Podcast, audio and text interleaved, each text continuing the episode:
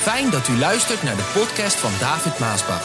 We hopen dat u erdoor geïnspireerd en opgebouwd wordt.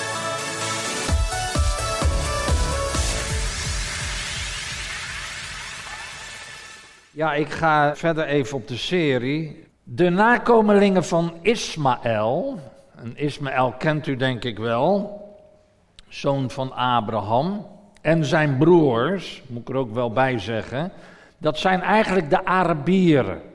Nakomelingen van Ismaël en zijn broers, dat zijn de Arabieren. Die hebben altijd strijd gevoerd tegen de nakomelingen van Isaac. En de nakomelingen van Isaac, dat zijn de Joden.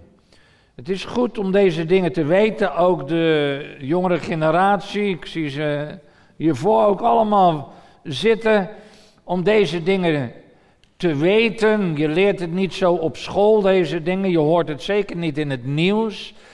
Maar ik denk dat het belangrijk is dat je deze dingen weet. Vandaar dat ik er ook vandaag over spreek.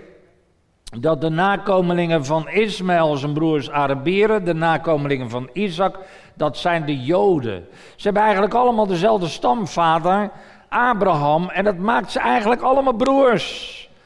Dat zou je eigenlijk niet zeggen vandaag, dat de Joden ook verwant zijn met de Arabieren. Het zijn eigenlijk allemaal broeders daar in het Midden-Oosten. En de vijandschap van de Arabische wereld tegen Israël is heel erg groot. Heel groot. Het is ook enorm voelbaar, maar ook hier in het Westen en in ons eigen Nederland. Die haat is, die haat van de Arabische wereld tegen Israël, tegen de Joden, is heel erg voelbaar ook hier in ons Nederland. De Arabieren die haten de Joden tot op het bot.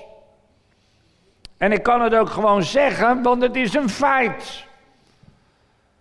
Het is gewoon zo. En ik denk als je het ze zou vragen, er zou er geen camera bij staan, geen camera's bij staan, dan zullen ze het nog beamen en zeggen ook. De haat zit heel diep in hun genen. Of, of misschien heel diep in hun geest. Zit heel diep.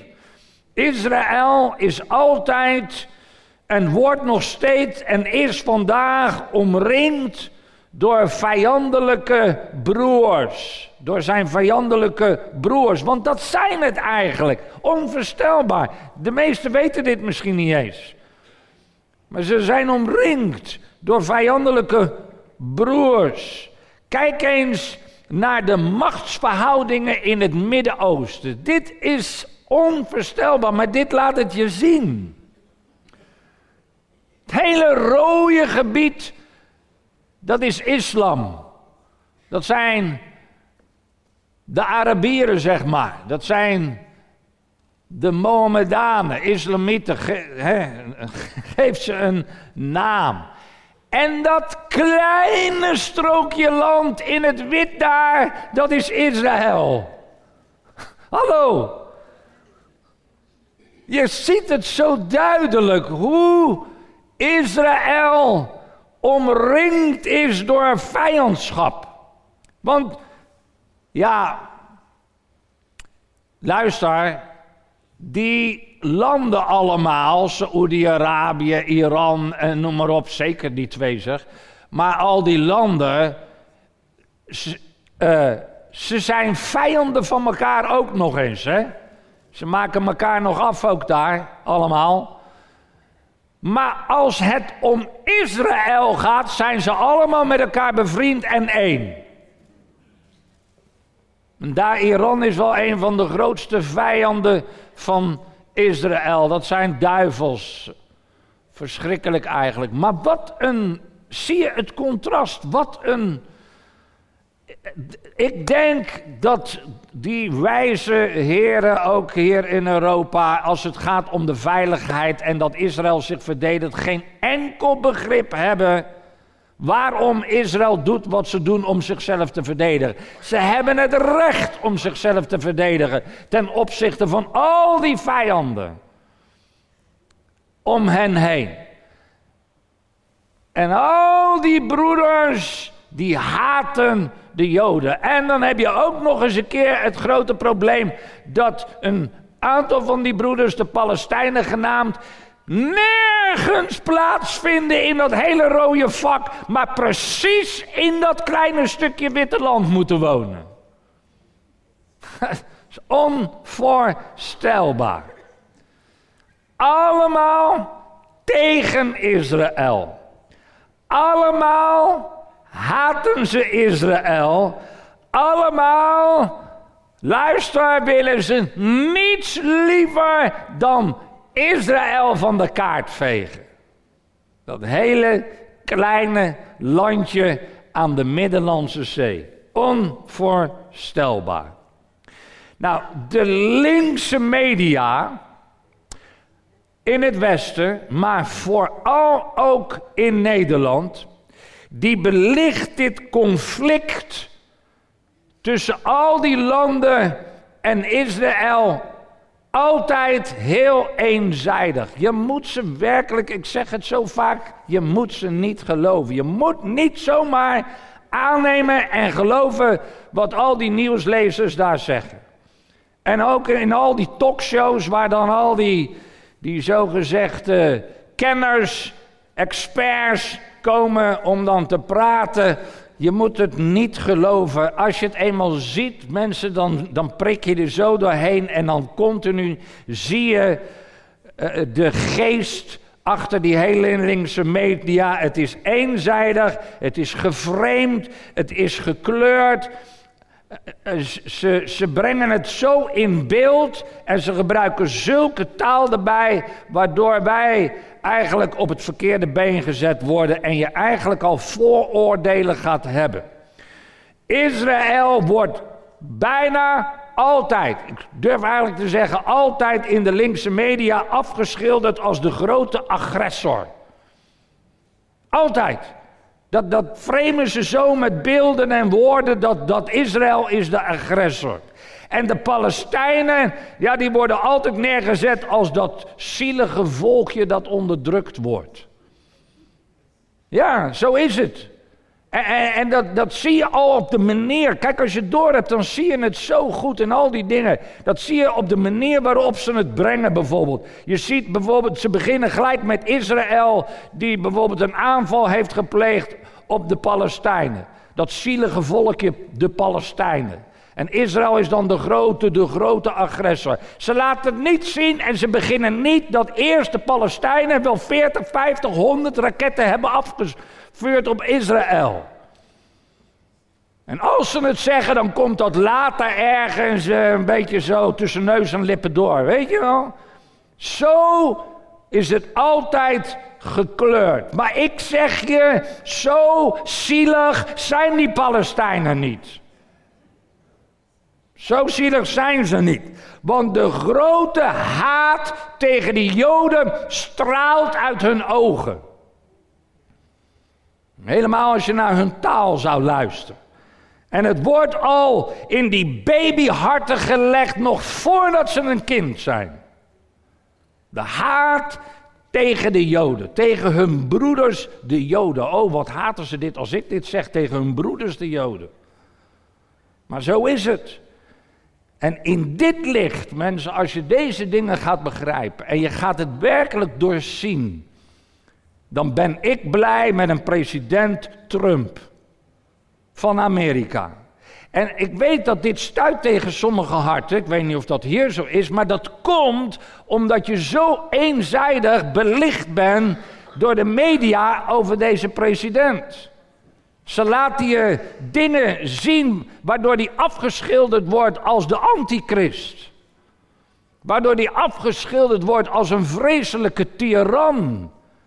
Maar ik zal je vertellen, hij is een vriend van Israël. Dat laten ze niet zien. Luister naar de woorden die hij sprak. Want kijk, ik laat je dingen zien die de media je niet laat zien. Je krijgt in de media een ander beeld te zien, waardoor je dingen in je hart tegen zo'n man krijgt. Maar ik zal je vertellen, juist moet je het echte zien en voor die man gaan bidden. Dit is wat hij drie jaar, zo'n beetje drie jaar geleden schreef, toen hij voor presidentschap van Amerika ging.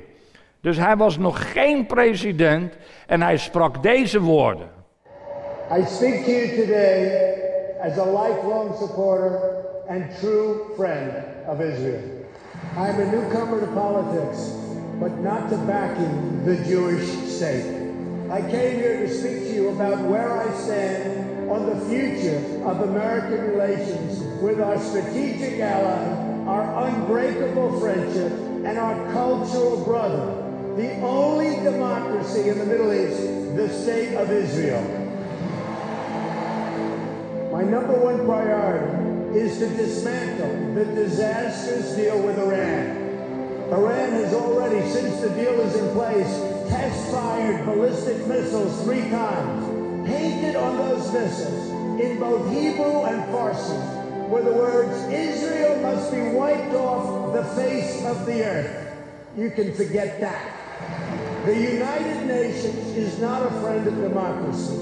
It's not a friend to freedom. It's not a friend even to the United States of America, where, as you know, it has its home. And it surely is not a friend to Israel.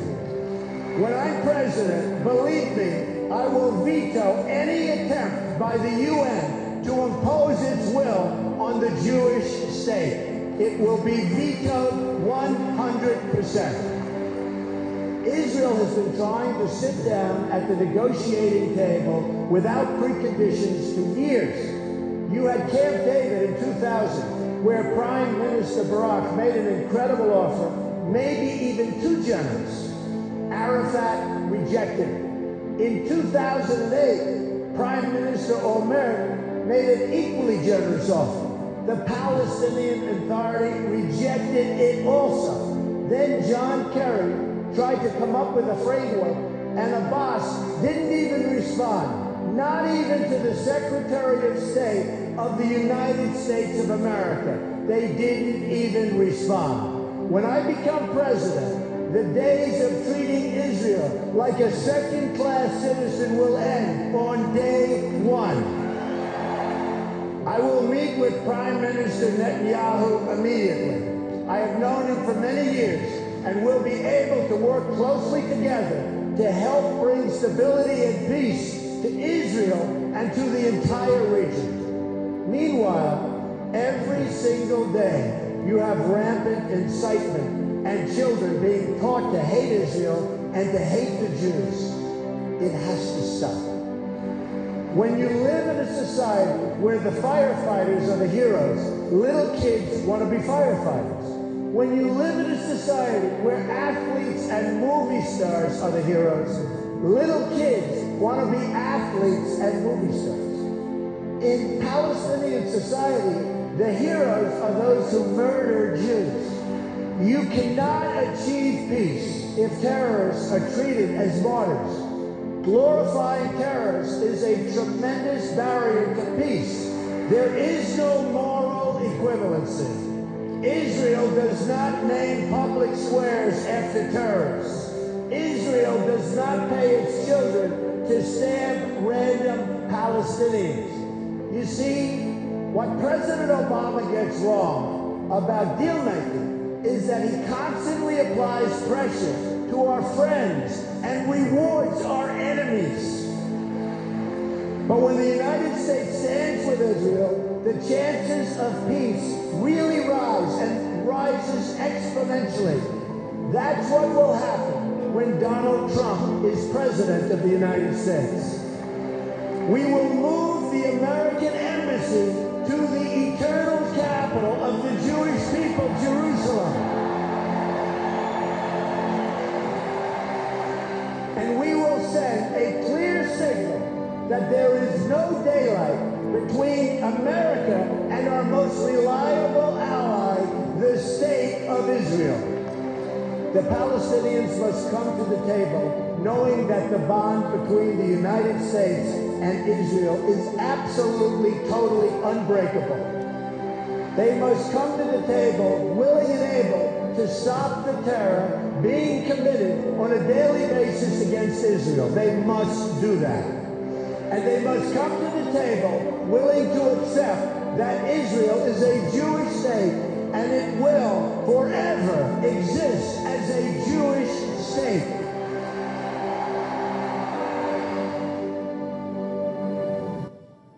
Ja, wauw. Als je dit gaat begrijpen tegen welke geest die dit moet zeggen. Ja, zeker. Ja, daar kan je voor klappen. Daar kan je voor klappen. Ja. Tegen welke geesten hij dit uitspreekt. Lieve mensen, mensen, mensen, wat een man. Hadden wij maar een leider zoals president Trump hier in Nederland. Ja, Hij zou ons vandaag verlossen van dat monster Europa. Dat zal ik je wel vertellen. Want hij heeft waargemaakt wat hij hier zei. Wat zou ik graag uit Europa willen? Uit Europa stappen. Dat hoor je echt niet in het nieuws, mensen. Ik zou me graag willen aansluiten bij Amerika en Engeland. Ja, ik voel me daar, daarmee zou ik me veel veiliger voelen naar de toekomst toe. En vrijer voelen naar de toekomst toe. Dan in dat monster van Europa dat liever dealt met Iran dan met Trump. Laat ik u dat vertellen. Lieve mensen, als president Trump de ambassade, zoals hij hier beloofd heeft, wat geen enkele president heeft aangedurfd wisten dat ze het zouden moeten doen. Niemand heeft het aangedurfd. En hij belooft het hier. En hij heeft het gedaan. Inmiddels is de ambassade van Amerika van Tel Aviv naar Jeruzalem. Dat is een statement die je tegenover die hele Arabische wereld, niet eens de Arabische wereld, ook heel Europa. Eigenlijk bijna scheidluizen wil ik zeggen, maar dat zijn ze. Bang, om die statement te maken. Ook christenen, om die statement te maken. Vraag me af waar de ChristenUnie in dit opzicht staat. Of ze aan de kant van Trump zouden staan of aan de andere kant. Vraag me af vandaag in ons Nederland. Maar als hij dat heeft aangedurfd en heeft gedaan. En reken maar dat hij heel veel tegenstand heeft gehad, ook in zijn eigen land. Daar. Nou, dan kan een man of een vrouw als Trump vandaag ook onze ambassade vanuit Tel Aviv naar Jeruzalem brengen. Ook om een statement te maken waar je staat. En die man en vrouw zoals Trump zou ons ook uit Europa kunnen leiden. Ik zou liever alleen staan met de levende God en iedereen tegen mij dan met dat hele Europese monsterrijk en tegen God. Want Europa is tegen God. Laat ik je dat wel vertellen. En dat wordt steeds zichtbaarder. Geef ons iemand zoals Trump om ons uit die goddeloze unie van Europa te bevrijden. Een man of vrouw die de ambassade kan verplaatsen, statements kan maken. Ja, Jeruzalem, de stad God. En dit brengt mij eigenlijk bij de kern van het conflict. Jeruzalem is de stad Gods. We weten dat Jeruzalem 70 jaar na Christus totaal verwoest is geworden. Dat was al voorspeld en dat is ook uitgekomen. Dat was een verschrikkelijke fase daar. Uh, Jezus huilde daar ook, hij weende daar ook. Hij zag dat al aankomen dat er geen steen op een andere zou blijven staan. Meer dan 1 miljoen Joden vonden daarbij de dood. Dat is heel veel. Verschrikkelijk, helemaal verwoest. We kennen ook de geschiedenis van Esther uit de Bijbel. En bij herhaling zou ik het eens gaan lezen, want zo veel bladzijden zijn het niet. En het is een prachtig verhaal van Esther, de koning, Mordechai en die verschrikkelijke Haman. Die geest van Haman, die waart nog steeds rond in de wereld. Zeker ook daar in het Midden-Oosten bij al die vijanden van Israël. Haman die erop uit was om alle Joden uit te roeien. Dat zat achter, dat was die geest achter Haman, achter die man. De, diezelfde geest, die hebben ook die Gamenis, die, die, die Ayatollahs en velen en die generaal die dan is omgebracht. Dat was een grote vijand van Israël. Die voerde al die Hasbollah en al die tegenstanders, jutte die op en voerde die aan om aanvallen uit te richten op Israël. Diezelfde geest zit er nog steeds om Israël uit te roeien, om de Joden uit te roeien. Dat zijn mensen. Hallo. Om een heel, luister, dat kan alleen maar uit de afgrond komen als jij vervuld wordt met een haat dat je een heel volk wil uitroeien. We kennen allemaal de geschiedenis van Hitler. Dat is diezelfde geest die in Haman zat, maar die ook zit in vele leiders van het Midden-Oosten. Zelfde geest ze willen niets liever dan, ze, dan al die Joden uitroeien. Hoe? Hitler, ja, ik moet erbij zeggen, en zijn beulen, want hij was niet alleen. Hij had velen die aan zijn zijde hebben meegeholpen in het uitroeien van de Joden tijdens de Tweede Wereldoorlog. Meer dan 6 miljoen Joden uitgeroeid. En het schijnt dat de wereld eigenlijk niks daarvan leert. Zes miljoen Joden afschuwelijk de dood ingejaagd. En nog steeds worden de Joden door vele volkeren gehaat. Ook in Nederland. Hoor je dat? Ook in Nederland is een hele anti-Joodse geest die dwelt. Joden kunnen niet eens, zeker niet in Amsterdam, ook gewoon met een keppeltje lopen. Die kunnen niet eens met een keppeltje lopen. Dan worden ze bespuugd of in elkaar geslagen. Ik begrijp dat ze dat niet eens meer durven vandaag. Overal is een anti-Joodse stemming. En dan, ja, ik durf dat ook gewoon te zeggen, niet van de gewone Hollanders hoor. Waarom de gewone Hollanders? Nee, dat komt van die volkeren vandaan. Uit het Midden-Oosten. Die ook hier in ons Nederland leven. Voortdurend zijn de Joden in gevaar. Voortdurend zijn ze omringd door vijanden. Niet alleen daar in het Midden-Oosten, ook hier in het Westen. En ook in Nederland. En dit is niks nieuws. Dit is altijd zo geweest. Dit zal altijd zo blijven. Daar moet je de Bijbel voor kennen. Maar het grote wonder is dat God dit volk levend heeft gehouden. Ondanks al die vijandschap. Ondanks al die geesten die dat volk willen uitroeien door alle eeuwen heen. Dan moet je maar eens over na gaan denken. Hoe komt het dat er zo'n haat in de wereld op één volk is, wat altijd bezig geweest is om dat volk uit te roeien? Dat komt niet van mensen. Dat komt uit de afgrond, uit de geest van de Satan, de duivel, de draak, de boze, die de Joden haat. Maar God heeft het levend gehouden. Door al die honderden, nee, niet misschien, al die duizenden jaren heeft God het volk levend gehouden. Nou, honderden jaren behoorde het beloofde land, dus Israël, Canaan, heette dat vroeger in de Bijbel, in de tijd van Abraham. Honderden jaren behoorde dat land toe aan de Turken. In dat grote Turkse rijk. Maar het was eigenlijk allemaal woestijnland.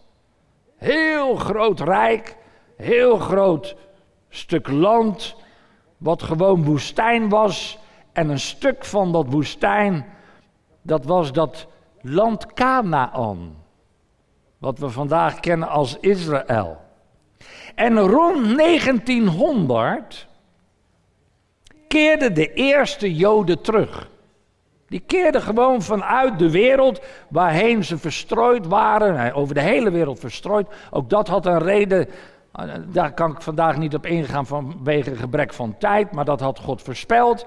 En, en, en er keerden Joden gewoon uit hun binnenste, kregen ze het verlangen om weer terug te gaan naar dat stukje land, woestijnland. Daar, dat strookje, de Binnenlandse Zee. En zij kochten grote stukken land. Kochten ze op, de Joden. Kochten ze van de Turken. Ze kochten gewoon eigenlijk woestijnland. Oh ja, nee, maar het is gewoon een woestijnland. en ze kochten dus elke keer gewoon stukken land op. En dan gingen ze terug en dan gingen ze daar wonen. En na een aantal jaren, terwijl dit zo gaande was, langzaam, maar het was gaande, keerden er steeds meer Joden, want die praten natuurlijk met elkaar en families, die keerden steeds meer terug naar dat land. En telkens kochten zij dan een stukje land. En dan gingen ze erop wonen. Een stukje land gingen ze erop wonen. Familie, een stukje land. Zo ging dat proces in werking dat de Joden weer terugkeerden naar Israël, woestijnland. En zo kwam eigenlijk langzaam, maar wat belangrijk is, legaal, dat land in handen van de Joden. Want ze hebben dat gekocht. Het kwam dus legaal in hun handen. Het eens aan Abraham Isaac en Jacob beloofde land kwam dus op die manier weer terug in de handen van de Joden. In de handen van het nageslacht van Isaac. Isaac. Nou, toen Hitler eenmaal aan de macht kwam, toen joeg hij in groot tempo een heleboel Joden terug naar dat land. Want dat was het resultaat van hetgene wat hij deed. Een heleboel Joden gingen terug naar Israël. Hij jaagde dat aan, zeg maar. En in 1948 gebeurde eigenlijk het ongelooflijke. Het onvoorstelbare profetie uit de Bijbel ging in vervulling. Toen David Ben Gurion de staat Israël uitriep. 1948. En Israël werd daarmee een democratie.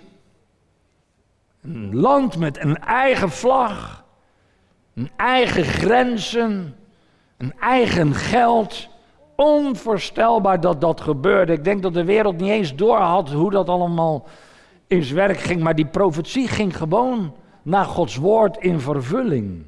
En God begon, zoals hij ook had beloofd, het land te zegenen. Dat had God gezegd. Het is allemaal, dit is allemaal voorspeld. Ik denk de, de, de, de wijze heren uit de regeringen, die hebben geen, geen begrip van deze zaken, omdat ze de Bijbel niet kennen, maar daar is het allemaal in beschreven. God begon het land te zegenen. Het woestijnland werd vruchtbaar, heel vruchtbaar, net als vroeger. En het begon in volle bloei te staan. Er ontstond een prachtig land. ja, wat een wonder. En steeds meer Joden over de hele wereld, die kregen het verlangen in het hart om terug te gaan naar hun land. Wat God had gegeven aan Abraham, Isaac en Jacob. Zijn naam veranderde later in Israël, waardoor Israël ontstond. Nou, voor de Joden is Jeruzalem het hart van het land. Het hart van het land dat de levende God onder Ede had beloofd. Onder Ede. Aan Abraham, Isaac en Jacob. En hun nageslacht. En uit alle delen van de wereld komen de Joden naar Jeruzalem toe. Om te bidden. Die heilige plek, die heilige plaats, daar bij de klaagmuur. Die is er nog steeds. Dat, die klaagmuur is een klein stukje muur, een overblijfsel van de westelijke tempelmuur. Van de tempel die Salomo heeft gebouwd met de hulp van zijn vader David. Daarvan lees je in de Bijbel hoe dat allemaal werd gebouwd. En David die hielp mee en Salomo heeft hem gebouwd. En, en, en er is nog een klein stukje muur van die originele tempel over, die tempelmuur. Dat is waar de Joden naartoe gaan, ook vandaag. Om daar hun gebeden in de richels van die klaagmuur te doen en om daar dan te bidden. Dan zie je ze bidden. Nou, voor de moslims is Jeruzalem een heilige stad. De heilige stad waar hun profeet, zoals zij zeggen, Mohammed, ten hemel is gevaren. En in Jeruzalem bevindt zich de grote rotskoepel van de islam. Heel duidelijk zichtbaar, vooral als je op de Olijfberg staat. Jeruzalem is voor de gelovige moslim een van de heiligste plaatsen in de wereld. Voor de christen is Jeruzalem de stad waar Jezus Christus als twaalfjarige jongen in de tempel leert. De stad waar Jezus Christus net buiten de muren op de heuvel Golgotha is gekruisigd en, en is gestorven. De stad waar Jezus is begraven. De stad waar Jezus is opgestaan uit de dood. De stad waar Jezus is opgevaren naar de hemel. En de stad waar Jezus, zoals hij beloofd heeft, zal wederkomen op de olijfberg, om dan door die gouden poort, die is dichtgemetseld door een zekere Sheikh Am Omar, die gehoord had over de Messias Jezus, dat hij zou terugkomen en door die poort zou wandelen, heeft hij hem dichtgemetseld, hebben ze een, een uh, islamitische begraafplaats voor hem gemaakt. Maar voor ons christenen zal Jezus daar wederkomen en door die poort heen gaan. Op zekere dag. Als de volheid des tijds daar is. En dan zal hij plaatsnemen op de troon van zijn vader David. oh, prachtig. Maar luister, lieve mensen, er is meer. In Psalm 132. De Heere heeft Jeruzalem uitgekozen. God heeft Jeruzalem uitgekozen. Daar wilde hij graag wonen.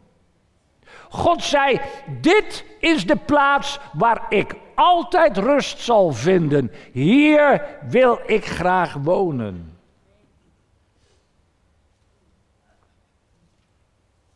Dit is belangrijk. Dit is heel belangrijk. God zegt, dit is mijn stad. Dit, deze stad, Jeruzalem, heb ik, zegt God, uitgekozen. Uit, het hele, uit de hele aardbol. Daar wil ik graag wonen. Het is mijn stad. Jeruzalem is dus de stad die God heeft uitgekozen voor zichzelf. Om in te wonen. Kijk wat God zegt over Jeruzalem in Zacharias 12.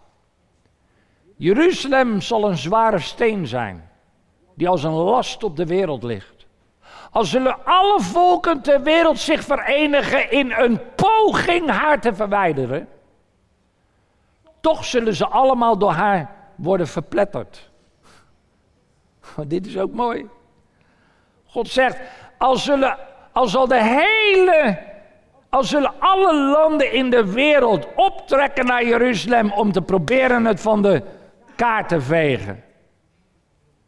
Het is mijn stad, zegt God. ah, dit vind ik zo mooi. Het is mijn stad, zegt God. Mijn stad. En dit, lieve mensen, is de diepste kern van het eeuwenoude conflict in het Midden-Oosten. Want er is een oorlog gaande tussen Satan en tussen God. En God zegt, dat is mijn stad.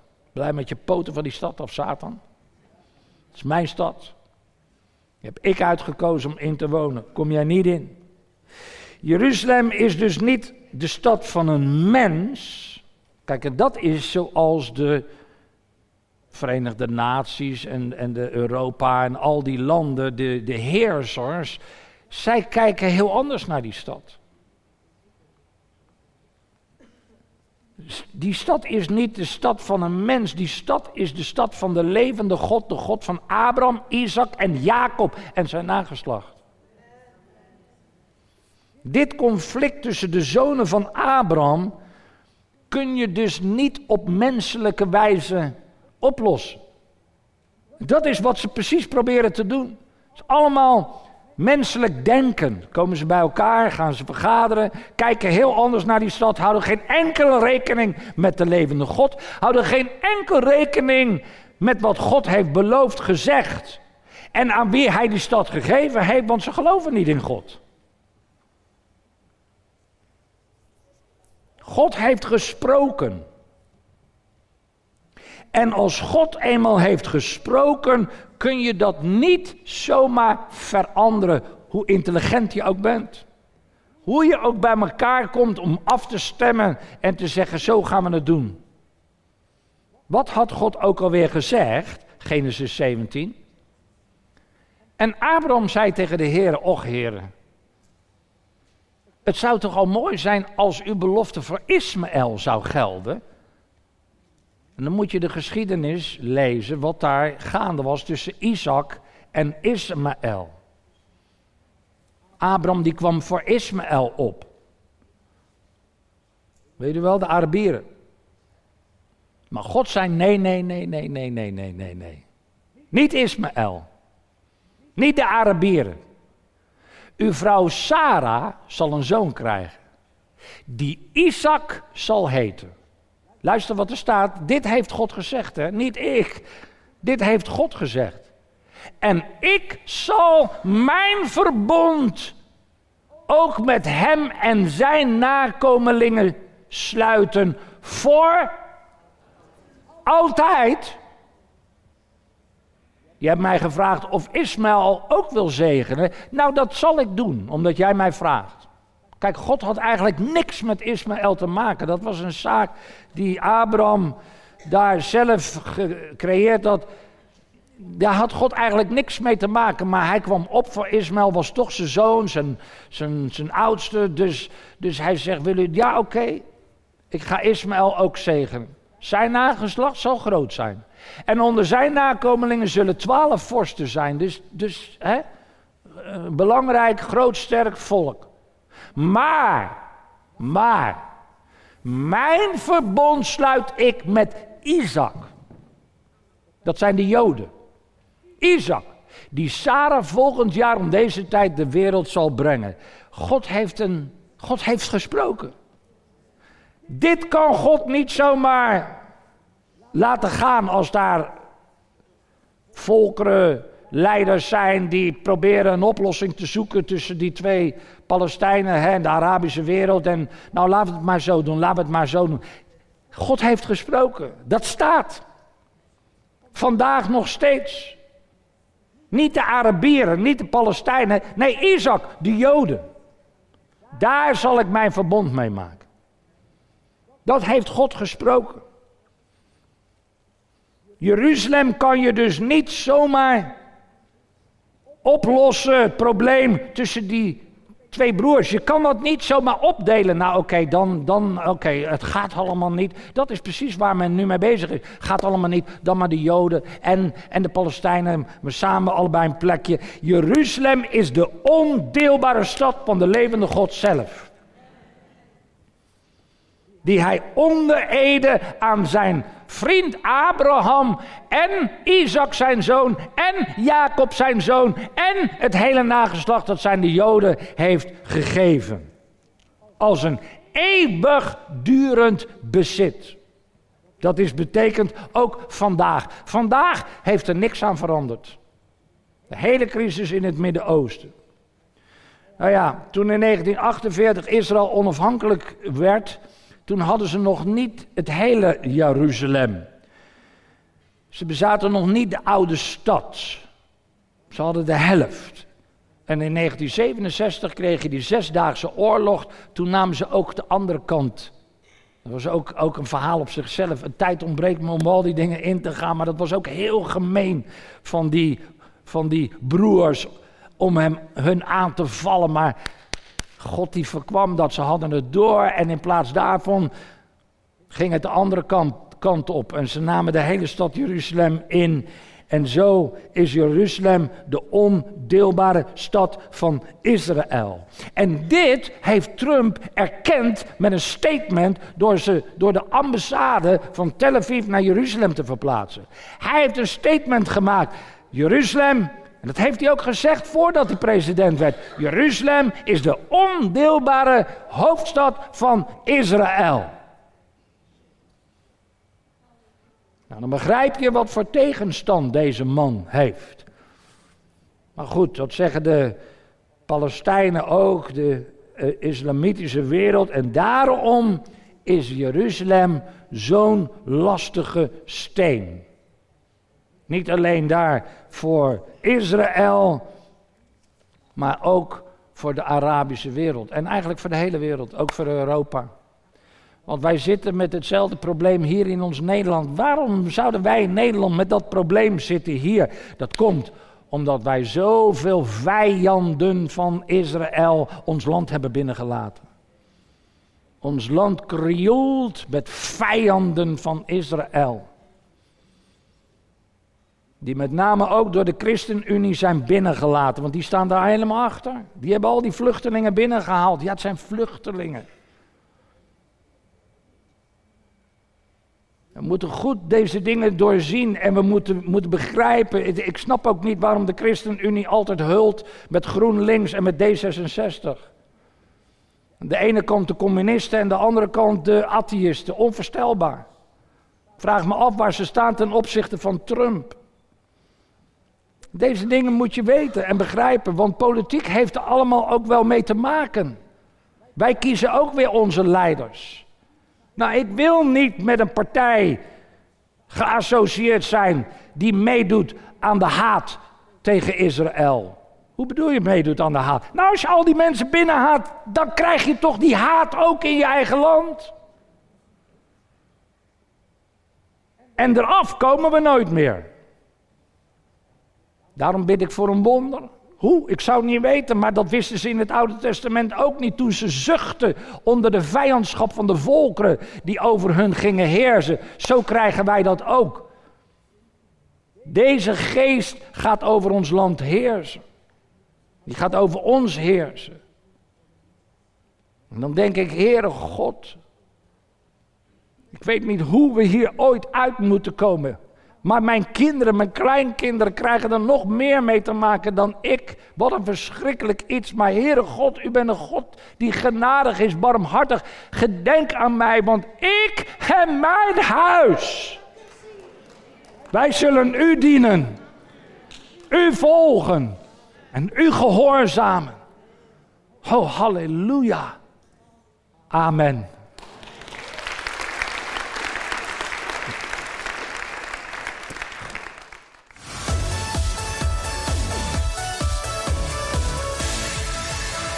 Bedankt voor het luisteren naar deze podcast. Wilt u meer preken beluisteren? Ga dan naar message.maasbachradio.com. Bezoek ook eens onze website www.maasbach.nl.